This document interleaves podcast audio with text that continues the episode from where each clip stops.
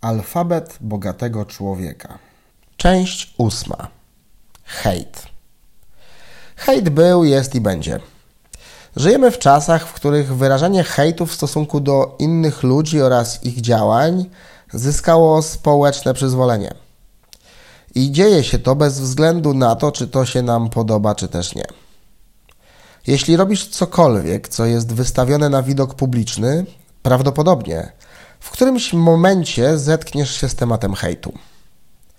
Najlepszym rozwiązaniem byłoby doprowadzić do wyeliminowania hejtu z debaty publicznej, ale w tej chwili wydaje mi się to niemożliwe.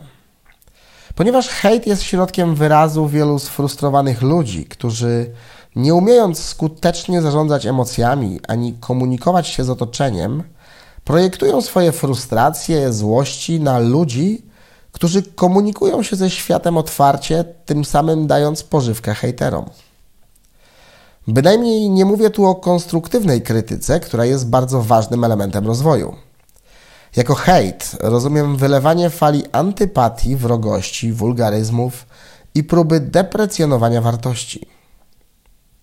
Osobiście wiele lat bałem się hejtu, co sprawiało, że dość wolno rozwijałem swoją markę. Bałem się, że głośne głoszenie własnych poglądów spotka się z kontrą kogoś, kto myśli zupełnie inaczej.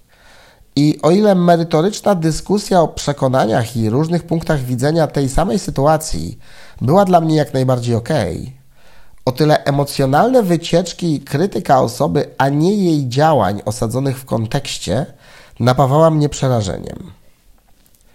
A ponieważ świat działa tak, że jak o czymś dużo myślisz, to to dostajesz, nieważne czy tego chcesz, to w którymś momencie zderzyłem się z olbrzymim hejtem.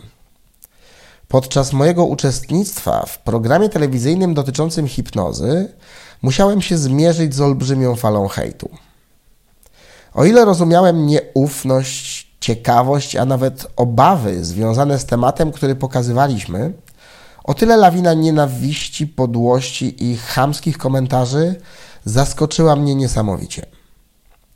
Spodziewałem się, że wiele osób nie będzie chciało uwierzyć w to, co widzi na ekranie, bo nadal mamy bardzo małą świadomość zjawiska hipnozy. Miałem jednak nadzieję, że fakt, iż hipnoza rozrywkowa została wreszcie pokazana w telewizji, spowoduje rozmowę, debatę i dialog na ten temat, poszerzając społeczną świadomość potęgi ludzkiego umysłu. Okazało się, że w wielu przypadkach umysły nie pozwoliły sobie na ciekawość poznawczą. Sięgnęły za to po najprostsze możliwe narzędzie. Jak czegoś nie rozumiem, to to zniszczę. Wówczas zrozumiałem bardzo ważną rzecz. Hejt jest problemem hejtującego i w ogóle ciebie nie dotyczy. To wyraz czyichś frustracji, które ta osoba próbuje przelać na ciebie i to tylko i wyłącznie problem tej osoby.